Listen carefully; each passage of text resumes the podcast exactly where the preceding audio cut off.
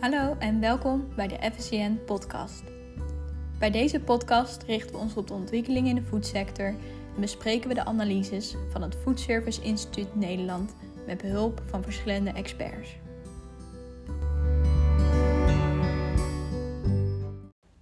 Mijn naam is Leila Echtenach en vandaag spreek ik met vaste gast van de FCN-podcast Jan-Willem Gievink, directeur van het FCN. En met Walter Zijp, voorzitter van het FCN en CEO van HMS Host. Welkom Jan-Willem en Walter. We gaan het hebben over de impact van het coronavirus op de samenleving en de voedsector. Op uh, dinsdag 31 maart is er aangekondigd dat de huidige maatregelen worden verlengd van 6 april tot 28 april. Uh, daar werd meteen bij vermeld dat dit niet betekent dat we na 28 april weer verder gaan met waar we gebleven waren, maar dat we hoogstwaarschijnlijk gefaseerd enkele maatregelen gaan versoepelen, als al niet het gehele pakket wordt verlengd. Dit betekent dat de horeca tenminste tot 28 april gesloten blijft voor bezoek en wellicht ook wel langer. Um, Walter, welke gevolgen heeft dit voor de voedsector? Nou, laat me eerst maar beginnen te zeggen uh, dat uh, wij moeten constateren dat die wereld in een split second is veranderd. Hè? Als het iemand een paar weken geleden had gezegd, dan uh, had het niemand voor mogelijk gehouden. Ja. En uh, wat we nu zien is dat wij niet alleen maar noodgedwongen worden in een, uh, met een andere manier met elkaar te werken, maar ook een hele gedragsverandering afgedwongen wordt bij die, bij die mensen. En uh, ik denk dat het voor iedereen duidelijk is dat die foodservice sector, dan heb ik het niet over supermarkten, met name restaurants, maar ook hotels, het een van die zwaarst getroffen sectoren zijn van de hele crisis. Ja. En ik denk dat, of ik ben overtuigd dat ehm, een aantal bedrijven uh, hetzelfde uh, hebben, wat wij ook als bedrijf hebben. Je kijkt naar je cash en de li liquiditeitspositie. En uh, laten we ook maar constateren, met name in Nederland, 300.000 mensen zijn werkzaam in de horeca. Dus die zitten nu allemaal thuis. En ik denk, of, ik ben ook overtuigd dat, dat we ervan kunnen uitgaan dat na 28 april die maatregelen waarschijnlijk nog, nog verlengd worden. En ook uh, worden ze niet verlengd, dan denk ik nog steeds dat een uh, gedragsverandering, uh, zeg maar, die landschap van horeca in de komende weken en maanden drastisch beïnvloedt. dus dat is mijn, wat, hoe ik daar tegenaan kijk. Ja, ja. Jan Willem, zou jij misschien iets kunnen vertellen over hoe, je dat, hoe jij daar tegenaan kijkt, die gevolgen voor de foodsector? Ja, ik deel dat helemaal met Walter. Ik denk dat we een reset krijgen die we nog nooit eerder hebben gehad waarvan we ook nog niet precies de contouren helemaal in beeld kunnen krijgen. Maar het betekent heel veel voor de samenleving. Het betekent heel veel voor de sector. Daar komen we zo meteen bij de samenleving wel op terug. Maar inderdaad, voorlopig is het zo, zelfs al krijg je geld voor je mensen terug, de business is niet meteen terug. En dat betekent dus dat er zal een uitval komen van je welste en een kapitaalsvernietiging van je welste, los van het enorme gebrek aan cash en liquiditeit die er nu al in de huidige bedrijfsvoering is. Dus dit gaat een ketting opleveren waarvan we het eind nog lang niet in beeld hebben. Ja, ja en los van de maatregelen die de overheid heeft genomen voor, uh, voor de bedrijven, heeft het coronavirus natuurlijk ook gevolgen op het consumentenvertrouwen. Um, waar kunnen we dit in terugzien? Hoe verandert het consumentengedrag? Nou, als ik een voorbeeld mag geven op dit moment, en dat zie ik in China. In China zijn ze weer langzaam maar zeker aan het opstarten. Maar als ik uh, van onze collega's in uh, China hoor, is restaurants bijvoorbeeld. Uh, daar wordt met, in, zeg maar in, in de zitgelegenheid een rekening gehouden met een social distance van anderhalf tot twee meter. Het geen betekent dat die restaurants anders ingericht zijn op het moment. Maar als het zich doorzet, betekent ook natuurlijk voor die verschillende economische modellen van restaurants dat andere kerngetallen gebruikt moeten worden. Omdat je gewoon veel minder mensen tegelijk in een restaurant kan hebben. oftewel, als je dat wel wil, moet je veel meer overvlakte hebben. Ehm, dus dat is een heel klein voorbeeld wat op dit moment nu heel recent, heel langzaam in China gebeurt. Maar ik denk, eigenlijk gaat het om heel wat anders. Hè? Waar het eigenlijk om gaat is dat wij uh, zien, en uh, ik heb dat eerder gezegd in mijn blog, dat, uh, dat angst is bij mensen, dat bezorgdheid is voor mensen, maar ook ontzetting. op de andere kant zie je ook hoop en sommige bedrijven en ondernemingen zien ook kansen en een nieuw begin. Uiteindelijk wat we zien, en Jan Willem zei dat, wij weten die consequenties nog niet, helemaal nog niet. Maar we zitten op dit moment een emotionele achtbaan. En als ik jullie een voorbeeld mag geven, uh, het is niet misschien zalig maken, maar het geeft wel iets aan. Uh, ik, was, uh, ik kom uit Oostenrijk, dat weet ook iedereen. die werkloosheidscijfers in Oostenrijk in de maand maart zijn net gepubliceerd. In maart zijn 560.000 mensen in Oostenrijk werkloos geweest. Het cijfer zegt je zelf niks, hè? Uh, maar als ik jullie vertel dat er 52% meer werklozen zijn dan ja. in de maand februari, dat geeft ja. het wel aan met wat voor snelheid met wat voor type impact wij te maken hebben. Ja. Uh, en uh, nogmaals, niemand van ons kan in de toekomst kijken, maar ik denk wel dat je een soort reset krijgt. Die vraag is hoe diep is de impact? Hoe lang kunnen en willen wij dat volhouden als maatschappij? En hoe betaalbaar is dat? Dat is eigenlijk zijn vragen, vraagstukken waar op dit moment niemand, ook geen expert, antwoord op kan geven. Nee, je, één model helpt misschien een klein beetje om het te duiden. Dat is Maslow, een heel oud model. Waarin je ziet dat in tijden van crisis, zegt Maslow, vliegt iedereen terug naar de basis van Maslow. En daar zaten we helemaal niet meer sinds de Tweede Wereldoorlog, hebben we daar nooit meer gezeten. Dus dat betekent overleven. En dat zie je zelfs in die sector waar de supermarkt nu in zit, zie je dat mensen niet hele luxe artikelen kopen. Ze kopen basisproducten. En dat overlevensmodus op basis van de angst in de samenleving, die Walter net terecht noemde, die, die is nog lang niet weg. Dus we vliegen niet in één keer weer terug naar de top van de piramide van Maslow. We blijven er onderin zitten. Heel voorzichtig gaan we dan straks misschien, als het over is, één laagje hoger.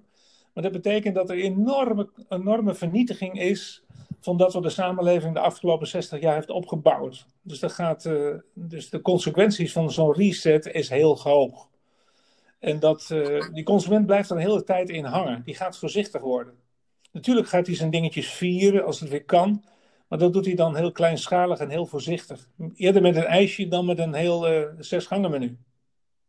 Nou, ik denk ook nog wat je zegt. Dat enige wat ik hoop, hè, dan ben ik echt oprecht.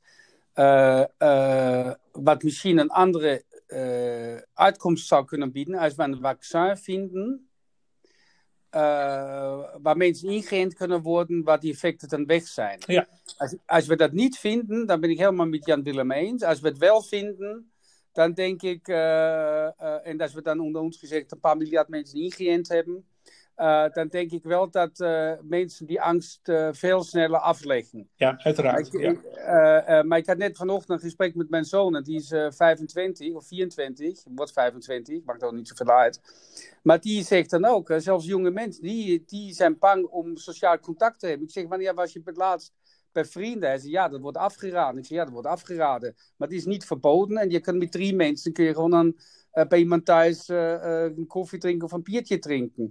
Maar zelfs deze generatie, die houdt die angstvallige afstand. En wat ik eigenlijk daarmee wil uitdrukken en ook zeggen is, wat we op dit moment doen, en dat vind ik ook bezorgingswekkend.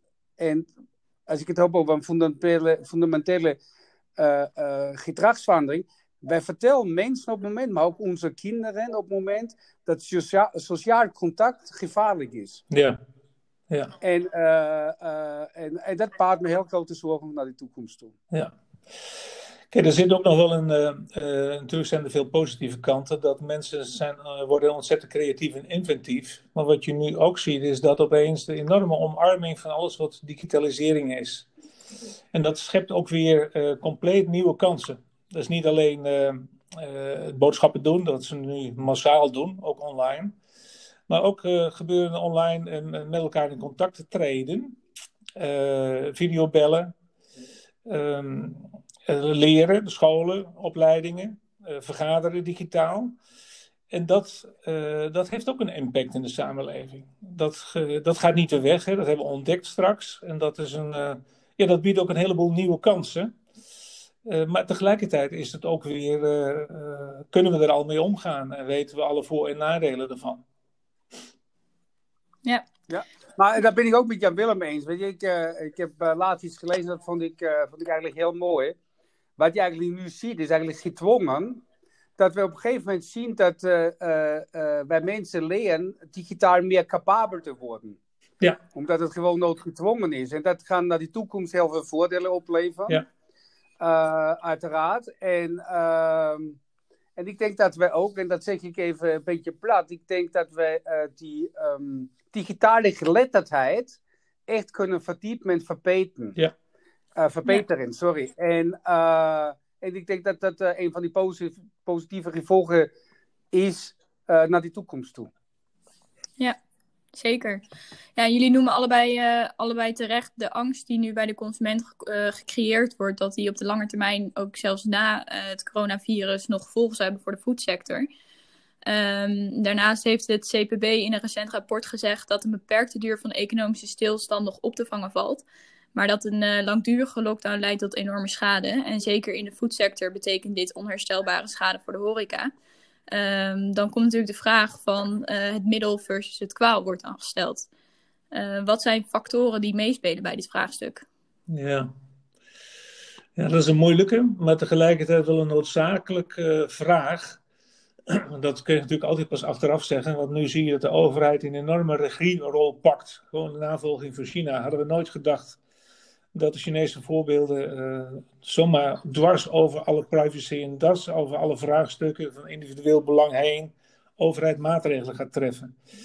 En dan ga je natuurlijk ook de vraag krijgen van ja, we offeren nu uh, zo meteen misschien wel duizenden miljarden euro op een economie die nog lang niet herstelt. Is het niet dat we ook andere manieren hadden kunnen vinden om de ouderen en de zwakkeren te beschermen? Want dat willen we denk ik allemaal de kwetsbaren in de samenleving eh, beschermen. En datgene wat we opgebouwd hebben in de gezondheidszorg en in de ouderenzorg overeind houden. Maar nu is de prijs die daaraan hangt heel erg hoog geworden. En natuurlijk ga je de vraag krijgen van is het middel, bijwerking van het middel niet erger dan de bijwerking van de kwaal? Nou ja, ik denk dat Jan Willem zegt dat terecht. En uiteindelijk kom je in een heel uh, morele uh, vraagstukken, in filosofische vraagstukken. En uiteindelijk gaat het niet met erover wie heeft gelijk of wie heeft niet gelijk. Maar uiteindelijk, uh, uh, um, wat, uh, wat nu eigenlijk gebeurd is, wij zeggen, wat kost het en wat levert het op? En uiteindelijk wat je daarmee doet is, je hangt een prijskaartje naar mensenleven. Ja. en, en nogmaals, dat wordt een filosofische discussie. Op die andere kant, laat ons ook maar helder zijn. wij hebben ook voor coronacrisis hebben wij ook een prijskaartje mensenleven gehangen. Als iemand, ik uh, neem nu mijn voorbeeld met mijn moeder, die is net overleden. Uh, die had kanker. En die is tegen haar gezegd: Mijn vrouw, we helpen u niet meer. U, u, gaat dood. Toen zijn wij als maatschappij gezegd: goed of slecht. die investering die levert niks meer op ten opzichte van die levensverlenging, et cetera, et cetera. Dus dat, doen we ook. Dus in, in feite hangen we altijd een prijskaartje aan. Je krijgt ook een andere discussie op het moment. Die ziekenhuizen liggen vol met, uh, met patiënten van corona. Maar zover ik weet, uh, statistisch of uh, informatie die ik gelezen heb, is dat op dit moment operaties maar op 25% van de capaciteit uitgevoerd wordt. Ja. Omdat al die mensen nodig zijn voor corona. Hetgeen betekent dat ook mensen die misschien nu acute operaties hebben, dat we het ook een afweging maken. En nogmaals, niemand hoort me zeggen het is goed of slecht. Maar bepaalde acties hebben bepaalde consequenties. En uh, weet je, uiteindelijk uh, uh, maak je pas op het eind eh, die rekening op. Maar uiteindelijk, we zijn een weg ingeslagen waar we ook niet meer terug kunnen. Wij kunnen dat is irreversible. Wij ook zeggen, wij morgen, wij stoppen daarmee. En we laten maar, ehm, we gaan maar door op het oude voet. Dat vertrouwen, die angst bij die mensen is zo groot dat ik, dat ik dat het gewoon niet gaat gebeuren. Punt. En eigenlijk die gevaar, wat ik veel meer zie los van onze samenleving in Nederland, waar we het heel goed hebben. Kijk maar naar, naar landen uh, die, die ook een veel zwakkere economische positie hebben. Um, daar denk ik dat die, dat die impact nog veel groter wordt. En eigenlijk wat ik, wat ik, wat ik voorspel, is dat we een veel grotere shift krijgen tussen uh, landen die veel, heel veel moeite mee hebben, uh, gaan hebben met herstellen. En uiteindelijk krijg je dat zwak en mislukte land als gevolg ten opzichte van landen die dat nog uh, redelijk goed kunnen op, opvangen. Ja. Dus dat, in die opzicht wordt het wel een interessante tijd. Ja, je bedoelt ook te zeggen dat de verdeeldheid in de samenleving in de wereld eigenlijk groter wordt. En dat je ook een Klopt. trek misschien ja. wel krijgt van naar het rijke westen of naar het rijke noorden toe. En eigenlijk, als je puur historisch kijkt, en ik hou van historie, is dat meestal uh, uh, geen, uh, geen goed teken geweest in de, in de geschiedenis van de mensheid. En die eigenlijk wat je, wat je ook ziet, puur historisch in, in onze samenlevingen, dat grote plagen die wij hadden, eigenlijk nooit goed geëindigd zijn. En nogmaals, dat klinkt nu wat je zwart ziet, maar dat is wel eigenlijk, lees uit de geschiedenis en laat ons ook dat analyseren om, uh, om daar goed op in te spelen. Dus uh, dat is eigenlijk ook wat, ik, uh, wat mijn oproep is. Ja. Kijk, en de, en de, grote vraag is natuurlijk, hoe krijgen we de angst uit de samenleving? En Walter zei het net al, van, dat kan eigenlijk alleen op het moment dat er een medicijn gevonden wordt. Dan ebt de angst weg. En pas dan kun je weer gaan bouwen. Voor die tijd blijft die angst overheersend op de achtergrond. Bij alle maatregelen blijft die hangen. Ja, goed. Um, ik wil het even weer concreet maken naar uh, de Nederlandse samenleving. En um, waar we het nu over gehad hebben, is dat de maatregelen dus een blijvende impact hebben op, uh, op de samenleving en ook de sector. En uh, wat we zien is dat er een verschuiving komt en een, wat, wat jullie ook zeggen, een groter verschil binnen de samenleving en tussen samenlevingen. En um, door overheidsingrijpen zien we ook dat uh, bijvoorbeeld de supermarkten een enorme uh, omzet in de schoot geworpen krijgen en een concurrentievoordeel krijgen op de lange termijn. Uh, zien jullie een verantwoordelijkheid bij de food retail om solidair te zijn met de horeca? Ja, als de overheid weer de rol van regisseur gaat oppakken hierin, dan kunnen zij daarin sturen. Maar op zichzelf zal het niet vanzelf gaan. Ik, ik spreek veel supermarktondernemers nu. En je merkt dat ze inderdaad best wel meeleven met de horeca. En op lokaal gebied proberen ze wel wat te doen. Hè. Dan gaan ze de maaltijden van de horeca in het assortiment opnemen. Of ze beginnen met spaaracties, waarmee de, na de crisis de consumenten gratis kunnen gaan eten uh, bij de horeca. En dan gaat de supermarkt op betalen. Dat soort kleine dingen zie je. Maar de grote solidariteit, dat vind ik een moeilijke. Ik denk niet dat dat zomaar gaat gebeuren. Ja, ik, denk, ik denk ook, uh, maar misschien is dat ook uh, human behavior. Uiteindelijk zie je toch dat, uh, dat je, wat Jan Willem zegt, een bepaalde solidariteit krijgt. Maar uiteindelijk kiezen mensen ook voor zichzelf. En laten we ook niet vergeten, ook de supermarkten en die ondernemers hebben ook een verantwoordelijkheid naar hun medewerkers en naar die families, et cetera, et cetera. Dus ehm, ja, en ik denk, weet je, uiteindelijk krijg je een hele kettingreactie. Hè? Weet je, we hebben het nu over, over horeca, maar laten we ook in die hele keten bijvoorbeeld niet, uh, niet vergeten die crossiers of die, die groothandels. Ja, zeker. Uh, uh, die hebben het ook heel zwaar. Nou ja, onder groothandels hangen producenten of toeleveranciers van groothandels. Die zien ook hun afzet tussen 80 en 95 procent inslinken. Dus eigenlijk krijg je een soort, of niet krijgen, die heb je al, een soort domino-effect en dan heb ik daarna nog uh, even uh, over die chain. Maar dan heb je ook nog wel huurbazen. En uh, um, die panden verhuren, of restaurants verhuren, of ook distributiecenters verhuren. nou, dan, dan, ga ik het even verder trekken naar leasemaatschappijen die dan die auto's en die vrachtwagens ja. doen. En weet je, het laatste rapport wat ik gezien heb van de leasemaatschappij is dat die, dat die waarde van leaseauto's die terugkomen uh, afgelopen drie weken naar 7% geslonken is. Dus dat heeft dan weer consequenties op hun model. Nou ja, weet je, zo kan je ja. hele... Uh, uh, daar kan ik de hele dag over praten. Het is één groot, dus feite, kijk, één groot uurwerk waar ja. alle raderen in elkaar haken. En als er ergens iets verstoort, dan loopt het hele uurwerk loopt gewoon trager of vast, of dat valt uit. Ja. En, en mijn, mijn punt is eigenlijk terug te komen wat ik wilde zeggen op je vraag: uh, moet retail horeca helpen? Ja, dat zou fijn zijn, maar er zijn nog veel meer mensen die geholpen moeten worden. Dat is eigenlijk waarom ik die, uh, die vergelijking uh, trek. Dus, uh, weet je, en zo, zo kun je doorgaan. Weet je, ik heb toevallig vandaag gehoord op PNR, cruiseschepen en cruisemaatschappijen. als je dat analyseert op het moment, ook wat aan waarde en economische waarde verdampt is, ja, dat is onvoorstelbaar. en ja ja, dat, dat geldt hetzelfde. Ik denk ook, is die crisis voorbij, uh, denk ik niet dat mensen massaal, uh, zeker na die nieuws wat we allemaal gezien hebben, een cruise uh, gaan boeken. Nee, nee. Nee, nee.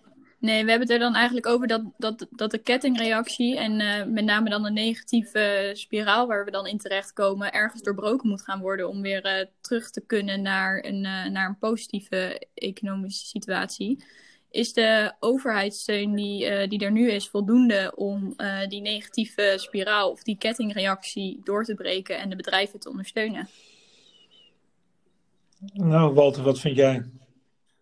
Nou ja, weet je, dat vind ik een uh, mooie vraag. Weet je, die, uh, weet je eigenlijk, uh, die vraag is niet, is het voldoende? Ik denk het niet. Die vraag is, hoe lang kunnen we het volhouden? Bij ook ja. als je ziet hoeveel miljarden nu een overheidssteun ingaan, en dat, dan leven we in een land waar we genoeg, tot nu toe nog genoeg middelen hebben. Hè? Dus die overheid vind ik, die, die, die ja, Willem zei dat mooi, die trekt een regierol aan. En die, uh, die doet dat, vind ik, heel goed gezien de omstandigheden. Als je naar Zuid-Europa kijkt, naar landen, dan is het natuurlijk veel dramatischer. Maar laten we ons even op Nederland focussen. Dus die vraag is, hoe lang houden het voor? In met welke, op welke termijn, in met welke impact komt business terug? En dan kun je honderdduizend modellen doen. Maar uiteindelijk uh, uh, kun je het niet ev uh, eeuwig voorhouden of heel lang voorhouden. Als je het dan wil voorhouden, dan moet je geld bijdrukken. Nou ja, dan krijg je dat inflatie gaat stijgen, rente gaat stijgen. Nou, noem het maar, noem het maar allemaal op. Dus ik denk dat die impact heel diep en veel langduriger is dan wij nu op dit moment niet zouden denken. En ik denk ja. dat, uh, dat op een gegeven moment ook een moment komt, uh, en Jan Willem zei dat daarvoor, op een gegeven moment komt een moment waar ook politici moeten inzien hoeveel kunnen wij er nog inpompen en wat zijn die consequenties. Maar uiteindelijk dat geld wat die overheid inpompt is ons geld. Dus is het geld van de samenleving. Dat hebben wij allemaal eigenlijk opgebracht. Ja. Uh, dus uh, daar moet ook geld in blijven komen, anders droogt het ook op. Ja. Ja, dus dat is inderdaad nog een, een punt. De, tegelijkertijd is het ook nog zo dat, uh, omdat de, uh, bij Maslow houden, en Maslow betekent dat de samenleving nu zoveel verandering komen dat gaat doorwerken in de waarden in die samenleving. Nou, als we de angst eruit kunnen halen, bijvoorbeeld met een medicijn, en we kunnen hem een beetje dempen door een overheidsmaatregelen, dan kun je het mee rekken. Maar tegelijkertijd is er al heel veel, uh, verroest er al heel veel om in die termen te blijven. En dat is niet meteen weer bezig. En tegelijkertijd zie je dat die waarden, die uh, nu, ja, nu zeg humane waarden, die beginnen te leven, dat we meeleven met ouderen en met de zwakken. Andere humane waarde is dat we thuis toch wel heel erg gezellig gaan maken. Vandaar uh, enorme opkomst bij die bouwmarkten en tuincentra en de spelletjes en al dat soort dingen. En eh, leren met elkaar samen te leven, als ouders met je kinderen te praten, met je vrouw te praten, met je man te praten. Dat, dat leren we allemaal weer opnieuw. En dat zijn ook wat positieve dingen die uh, ja, positieve waarden hebben. Maar als het ons zou lukken als overheid om de angst uit de samenleving eruit te halen, niet alleen de optimistische toontjes neer te zetten, maar ook door uh, bijvoorbeeld een medicijn heel snel te vinden en maatregelen te nemen die vertrouwen wekken in plaats van wantrouwen vergroten, dan, uh, ja, dan kunnen we er ook sneller weer uitkomen. Ja. Maar weet je, uh, op, op dit moment zien we natuurlijk ook, en dat vind ik best mooi. Weet je, ik uh, zie dat iedere ochtend, dan kijk ik naar buiten, dan zie je op het moment een blauwe hemel. En eigenlijk zie je niks aan de hand, is geen file. Alles gaat door. Salaris wordt nog gestoord, noem het maar op. Hè. We krijgen nog levensmiddelen. We zijn niet thuis opgesloten, zoals in andere landen. Dus aan zich is het best nu een, uh, een uh, mooie, mooie reset. Hè? Ja. Uh, en los daarvan, dat, dat, weet je, dan ga ik weer terug naar China. waar op een gegeven moment een explosie geweest is aan zelfmoord maar ook een explosie aan echtscheidingen. Yeah. Dus dat is ook best, uh, best grappig. Hè? Dus op de ene kant heb je een reset en de andere kant uh, uh, reset kan ook betekenen dat je soms nadenkt waar zijn we mee bezig yeah. en die staan maar goed. Maar als we puur zo kijken, dan hebben we het best goed voor elkaar op het moment. En laat ons die positiviteit ook vasthouden. En, uh, en laat ons met man en macht. En weet je, ik uh, vind zeker dat uh, miljoenen mensen op het moment aan, aan een medicijn werken. of ik weet niet, miljoenen, misschien niet, maar duizenden wetenschappers aan medicijn werken om dat voor elkaar te krijgen. en daar ben ik met Jan Willem eens. Op een gegeven moment moeten wij hopelijk die, dat wantrouwen en die angst eruit krijgen. En en dan zie, dan zie je langzaam weer een, denk ik, een, dat vertrouwen opbloeien, et cetera, et cetera. Dus ja, dat, laat ons daar aan dat positieve vasthouden en hopen dat dat zo snel als mogelijk gebeurt. Ja. Ja, dankjewel. Zou ik mogen afsluiten, samenvatten met een, uh, met een quote uit een blog van Walter? Uh, laat ons positief blijven, maar ook niet de ogen sluiten voor de impact van deze crisis op de medium en lange termijn en de consequenties die wij met z'n allen moeten dragen. Ja, dat is mooi. Ja, ja, goed. En wat ik altijd een mooie vond, dat heb ik toen nog bijgeschreven, als ik dat mag aanvullen, is the only certainty is uncertainty. Dus dat is ook het leven. Dus, uh, uh, en en uh, daar wil ik bij zeggen, dat is, ik ben altijd heel positief. The human being is designed to survive. Dus wij komen hier overheen. En nou, laat ons die schouders onderzetten, ook in moeilijke periodes. En dat hebben we als mensheid ook altijd gedaan. Ja, goed. Dan wil ik het voor nu hierbij laten. Walter Sijp en Jan-Willem Gievink, bedankt voor jullie aanwezigheid en jullie input vandaag. Graag gedaan. Nou, graag gedaan en uh, jullie een fijne dag. Oké, okay, dankjewel. Hetzelfde.